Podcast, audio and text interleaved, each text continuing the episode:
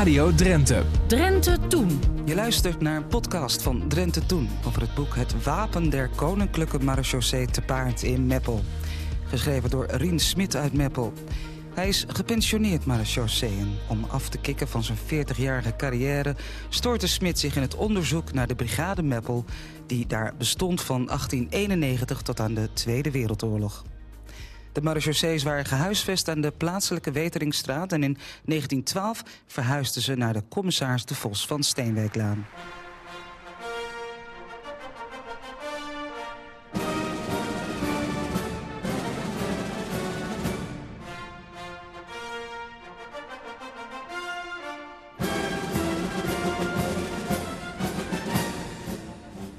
En ik vond een hele mooie foto in het, uh, in het fotoarchief van Oud Meppel. En er waren vier, er was een afbeelding, er stonden vier uh, mannen op in uniform, twee met zwaard. En de enige ondertiteling die er was, dat was um, rond uh, 1895, 1895 is die foto gemaakt, vier Marseillese Meppel, punt. En toen dacht ik van, ik wil niet alleen weten wat er gebeurt over die, over die, in die 50 jaar dat de Marseillais in Meppel heeft uh, gewerkt, maar ik wil ook weten wie die vier mensen zijn op die foto. Uh, en uiteindelijk, uh, nu weet ik wie die vier mensen zijn. En dat gaf mij uh, veel voldoening. maar ook om door te gaan. Um, Zo staat in het boek met, met naam en toenaam, deze, deze mannen onder die mooie foto staat inderdaad ja. een opsomming van wie het, wie het zijn. Ja. Um, maar wat mij verwonderde is dat, uh, als je toch denkt van er is een uh, marechaussee-kazerne geweest. Uh, de marechaussee werd in Meppel hier toegevoegd. Ehm, dan denk je groter. Ik vond het een heel, heel klein geheel. Het waren, het waren er maar een paar, hè? Ja. Nou, in zoverre natuurlijk, als je praat over Meppel, waren er maar vijf mensen. Um, en die sterkte is tot en met, uh, laat ik zeggen, het begin van de oorlog altijd op vijf mensen geweest. Maar vergeet niet dat er in Drenthe iets van, ik dacht iets van 17 brigades waren. Als je kijkt in Overijssel en in, in, in, in, in Friesland en Groningen, geloof uh, zeker ook wel een stuk of twintig. Dus um, Kleine, klein, maar ja. gericht op de gemeente Meppel, maar ook de, de omliggende, omliggende dorpen zoals Nijenveen en Havelte, De Wijk, Koekangen. Dus dat, dat hoorde wel bij Meppel. Maar, maar, maar inderdaad, maar met vijf mensen, ja. Dat is wel... Die, die mensen hebben volgens mij 24 uur per dag gewerkt. Dat kan niet anders. Wat waren hun taken? De taken bestonden eigenlijk uit twee taken. En dat, dat was de militaire politietaak. En ik heb maar begrepen dat dat maar mondjesmaat in die 50 jaar werd uitgeoefend. Hooguit tijdens de, de Eerste Wereldoorlog, uh, bij de mobilisatie. Af en toe eens met wat, met wat verplaatsingen van troepen die er uh, door Meppel heen moesten. Maar vooral de civiele politietaak. En we kennen nu de Marseillais als, als een militaire politie, of uh, je komt ze tegen op Schiphol bij de paspoortcontrole. Maar zij deden de Rijkspolitietaak. Dat deden ze samen met de gemeentepolitie in Meppel. maar ook de Rijksveldwacht, die was ook wel bij betrokken. Maar ze deden gewoon de normale politietaak. En dat was van het schrijven van de bekeuring, uh, omdat je niet met, uh, met voldoende licht op je fiets reed, tot gewoon grote onderzoeken naar moord en doodslag, naar brandstichting, naar een trein die van de rails afging en in, het, in de Smildervaart terecht kwam. Dus gewoon alle voortkomende politieonderzoeken, maar ook de rechercheonderzoeken. En dat was voor een clubje van vijf man aardig wat, moet ik zeggen de verhalen die ik in het boek heb gelezen, die, die lopen eigenlijk uiteen uh, van verhalen met een, een, een heel knullig uh, hoog bronsnorgehalte tot verhalen van hele professionele uh, onderzoekingen naar zware misdaden. Hè? Ja, een bronsnor, ja, dat, dat, dat, als je de foto's ziet van die mannen, ik geloof dat bijna iedereen een snor had, dus dat klopt wel een beetje. Maar, ze deden veel. Um, um, ik, ik, ik, ik, durf wel te zeggen dat ze ook de voorloper waren van de dierenpolitie die we nu kennen.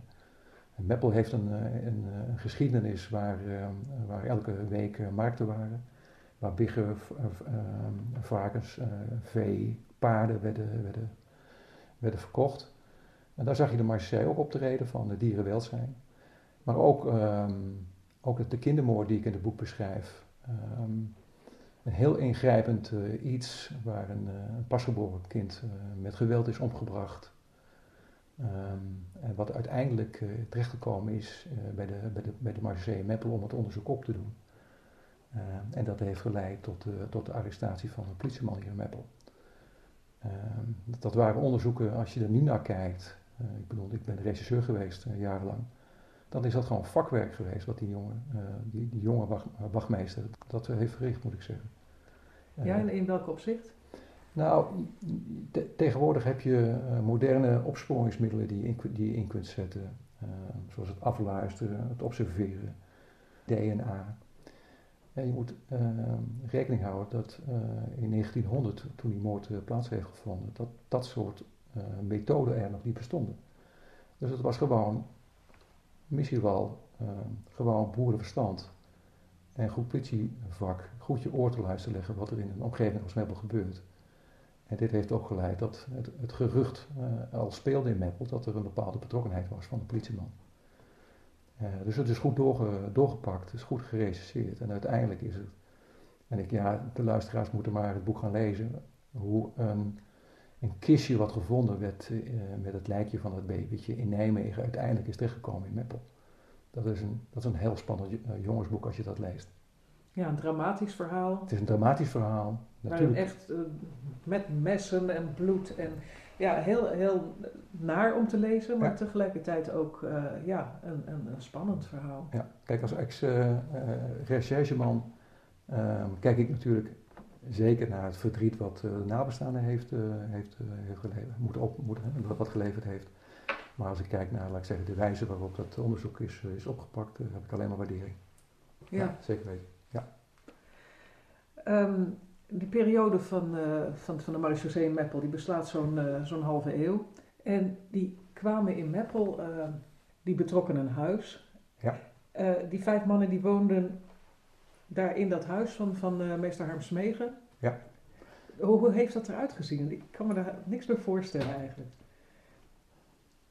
Um, bij de marché heerste het cassineringsbeginsel en dat hield in uh, dat iedereen, uh, of je nou getrouwd was of niet getrouwd was, uh, in de kazerne moest wonen. En in de kazerne, de meeste mensen denken dan meteen aan een, grote, een, grote locatie met meerdere gebouwen eromheen, met een hektaarwerk. Nee, dat moet je gewoon zien als, als een herenhuis waar, waar laat ik zeggen, de, de, de, de marchesee samen met hun echtgenoot en de kinderen woonden. En ehm, ik heb foto's gezien van, het, het, het, pandje bestaat niet meer, dat is afgebroken. Maar dat is, dat is een rijtjeswoning, wel een herenhuis moet ik zeggen.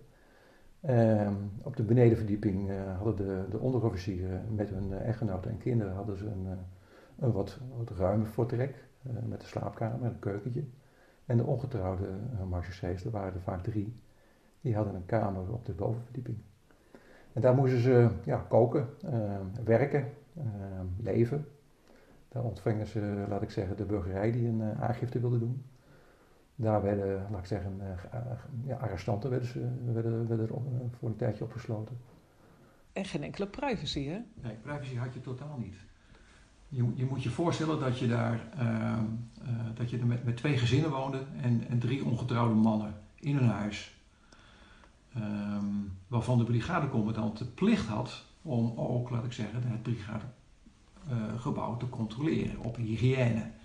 En dat hield dus ook in dat hij ook in, het, in, het, in de woonvertrekken van het tweede gezin, uh, laat ik zeggen, tot aan het beddengoed moest controleren of dat wel op hygiëne de juiste maatregelen waren getroffen. Dus ik kan me indenken dat met name de echtgenoten van, laat ik zeggen, de tweede man daar, uh, van de tweede wachtmeester, ja, die zal graag gekeken hebben dat zo'n snuiter die als werkgever daar zit, gewoon uh, bij jou over de vloer komt. Als, als een soort jeugdherbergvader uh, alle, alle ruimtes controleert. En even kijken of je wel de, de juiste zeden uh, zou hebben. Ik kan me dat niet indenken dat je dat tegenwoordig dan zou. Maar het, het, het, ja, het was wel zo, het behoorde tot zijn taak. En hij moest het één of twee keer per maand moest hij dat doen.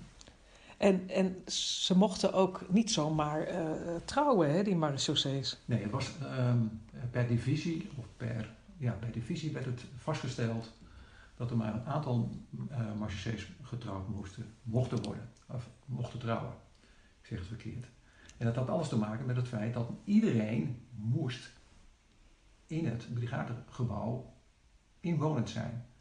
Dus als je een gebouw had waar het niet zoveel vertrekken had, kon je natuurlijk ook niet zeggen van, ehm, ja, ga maar trouwen, uh, want er is geen ruimte.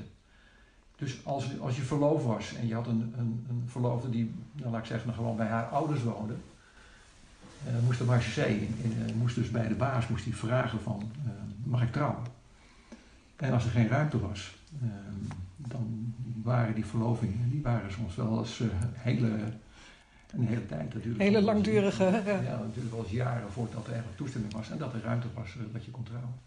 Maar er zijn dat, niettemin toch veel Meppeler vrouwen met die marechaussees getrouwd. Ja, maar eh, van de, ik volgens mij een stuk of elf, uh, was er maar één of twee uh, van de marechaussees die ook in Meppel woon, woonden.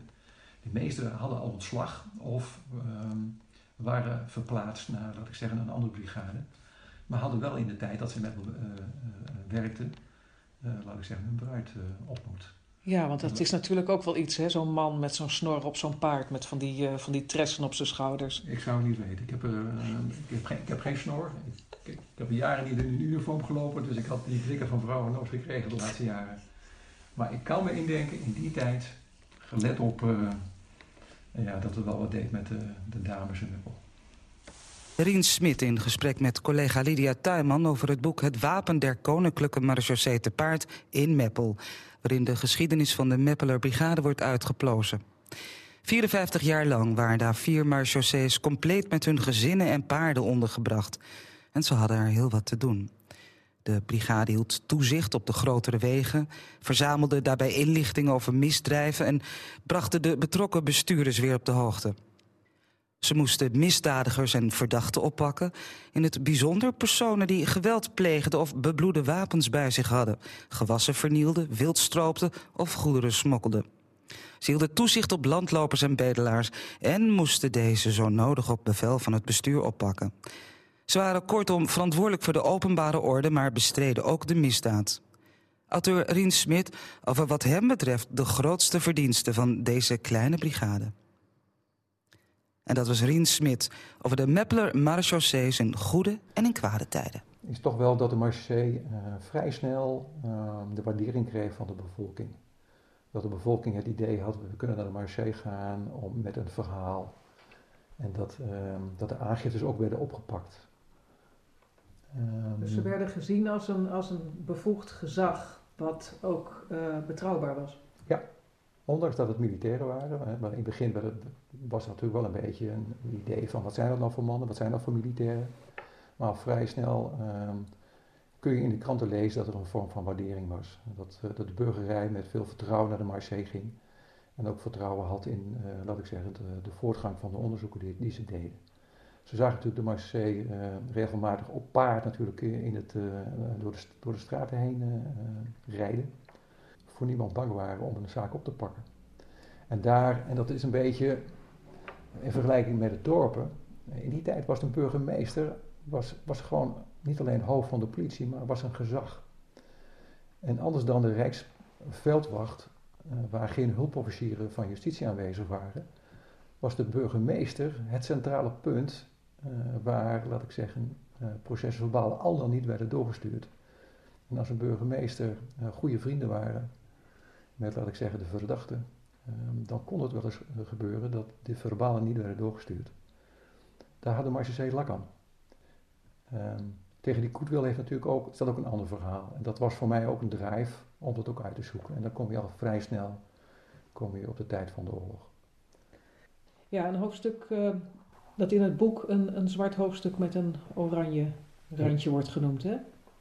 Ja, Um, een van mijn uh, drijfveren om een boek te schrijven, of, in ieder geval de informatie naar boven te halen, was um, dat er nog steeds een teneur was uh, over de Marseille, ook in Meppel, um, over de rol die zij hadden uh, tijdens de Tweede Wereldoorlog. En dat met name gericht natuurlijk op de Jodenvervolging.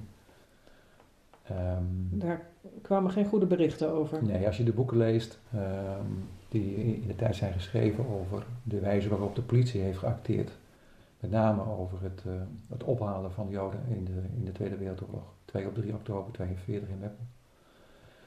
Ja, dat, dat, dat is gewoon, uh, dat zijn verkeerde uh, verrichtingen werkzaamheden uitgevoerd in de verkeerde tijd, onder verkeerd regime. En daar heeft de natuurlijk ook een bepaald rol in gespeeld. Ik, ik, ik, wilde daar toch wat dieper op ingaan van... Ehm, is er dan helemaal niemand geweest van de Marseille die daar verzet heeft tegen aangewend? Ja, want ze, ze hebben gewoon meegewerkt hè, met, de, met de bezetter in grote lijnen. Ja. de, de Joden opgehaald, op transport gesteld het allemaal geen, geen schoonheidsprijs in, in, in tegendeel, maar u wilde toch kijken of er misschien een nuance aan te brengen was. Ja, en die is, heb ik gelukkig wel kunnen vinden. En dat, en dat heb ik ook in het boek geschreven, dat er met name drie uh, waren uh, die in Meppel of rond Meppel toch wat verzetswerk hebben gepleegd. Um, een van de mannen, dat is Anne Fokkens, Marseille die in Meppel een tijdje heeft gewerkt. Eh, en op, een gegeven moment werd verplaatst naar, eh, naar Groningen. Daar op een telexafdeling heeft gewerkt, waar hij eh, stukken zag waar de razzia's werden voorbereid en werden aangekondigd. En die heeft hij doorverzet richting de, de verzetslieden in, in Drenthe. Zodat in ieder geval die razzia's op tijd werden, ontdekt. Mensen konden worden gewaarschuwd. Um, maar hij heeft dat wel moeten bekopen dat ook hij op een gegeven moment onderzoek werd van, van verdachtmaking. Hij is toen gearresteerd, hij is toen opgesloten in, in Groningen. Hij is behoorlijk mishandeld en heeft helaas ook een aantal namen genoemd van een aantal medestanders. Toen het, het verzet in Meppel te horen kreeg dat hij vast zat, ehm, werden er, vanuit Meppel werden er plannen gesmeed om hem te bevrijden. En een van de mensen die daarbij eh, geholpen heeft, dat was een andere marechaussee, Hendrik Drocht. Um, die uh, op dat moment ook in Meppel bij het KP zat. Um, Knopploeg. Knopploeg. En die hebben, laat ik zeggen, met, met, met hun leven gewaagd om, om Aan Fokkens uit het ziekenhuis, want hij was op een gegeven moment werd hij verwond bij zijn arrestatie, uit het ziekenhuis te hebben bevrijd. Het ziekenhuis in Groningen. Knoppelhoek is daar op een gegeven moment naartoe gereisd. Een paar keer onderweg gestopt. Maar toch met, uh, met hebben ze de, de Duitse controles kunnen, kunnen doorgaan. En er is met flink een door, doortasting is, er, is Fokkens eruit gehaald en met de auto teruggebracht naar Meppel. Maar het, het algehele beeld is natuurlijk niet, niet fraai. En, en waaruit verklaart u dat eigenlijk? Heeft dat te maken met gezagsgetrouwheid? Heeft dat te maken met een soort, ja... Uh... Ja, je, misschien dat je als eerste gedachte hebt, militairen die voeren een, een bevel uit. Je moet, je moet niet vergeten dat uh, in de, uh, vlak na, laat ik zeggen, de, de Duitse inval, dat um, alle militairen die werden um, gedemobiliseerd. Um, die werden later, alle militairen, maar ook de, de, het korps politietroepen, werden bij de Marche gevoegd alle officieren van de Marseillais en alle leidinggevenden, die werden gevangen gezet door de Duitsers. Die werden vervangen, als het ware, door, ik zeggen, Duitsgezinde politiemensen. Je had een hoop NSB'ers, um, ehm, Duitsgezinde mensen, als collega's. Um, en nogmaals, ik praat het niet goed. Er zijn hele verkeerde dingen gebeurd.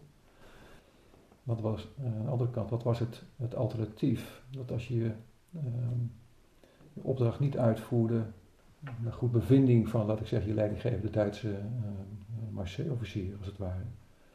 Dan werd je zelf gevangen gezet. Je, je kreeg ontslag. Je had geen meer op de plank. Uh, dus het is moeilijk uh, te oordelen nu hoe die mensen ehm, toch, laat ik zeggen, met een bepaalde gewetensverroeging ehm, hebben moeten, moeten leven. Er waren veel foute marechaussees, maar u bent gaan zoeken om te kijken of, ze, of er misschien toch eentje was die wel deugde. Ja, ik wilde, eh, ik wilde uh, uh, nazoeken of er van de vijf marchechaussées die in Meppel werkten, of daar iemand, niemand was die dan in verzet kwam. Of wat dan ook, meteen leidzaam aan de, aan de, aan de Duitse leiband meeliep. Dat, dat was mijn idee. Dus wat de bladzijde was dat de Marseille in Westerbork bewakingsdiensten moesten houden. En de opdracht kregen om Joden uit, uit de huis te halen, te, arresteren. Ja. Dat was in Meppel. En dat, dat, wat deden de ze. En, Ja. dat, en dat is dus wat de bladzijde hier is. Ehm, maar daarnaast, het oranje randje, dat is dat er toch een aantal marchés waren, ook in Meppel, die, ehm, die tot verzet kwamen. En, en ik ben dus op, op, op het verhaal gestuurd van Anne Fokkers. En die heeft wel het verzet eh, eh, tegen de Duitsers eh, aangegrepen. En Hendrik Drocht, een marchese die in Meppel bij de KP aangesloten was, was er ook eentje die dat deed. Openlijk verzet plegen als marchese tegen de Duitse bezetter. En ik vind dat met alle kwade over de marchese in de oorlog terecht verkeerde handelingen gepleegd dat er ook marchés zijn geweest die wel verzet hebben. En ik vind dat je die, dat verhaal van hun, want ze hebben het alle drie met de dood moeten bekopen. Dat je dat verhaal ook moet vertellen. En dat je dat ook verhaal mag vertellen in Meppel. En dat was voor mij de drijfveer om ook hun verhaal in het boek te verwoorden. En dat was Rien Smit over de Meppeler marechaussees in goede en in kwade tijden. Je luisterde naar een podcast van Drenthe Toen. Elke week komen er weer nieuwe bij en ze zijn te downloaden via je podcast-app. Of kijk even op onze website rtvdrenthe.nl. Daar vind je ook andere podcasts. En vond je het leuk of heb je tips? Laat dan een beoordeling achter. Dat vinden wij weer leuk. Dank je wel.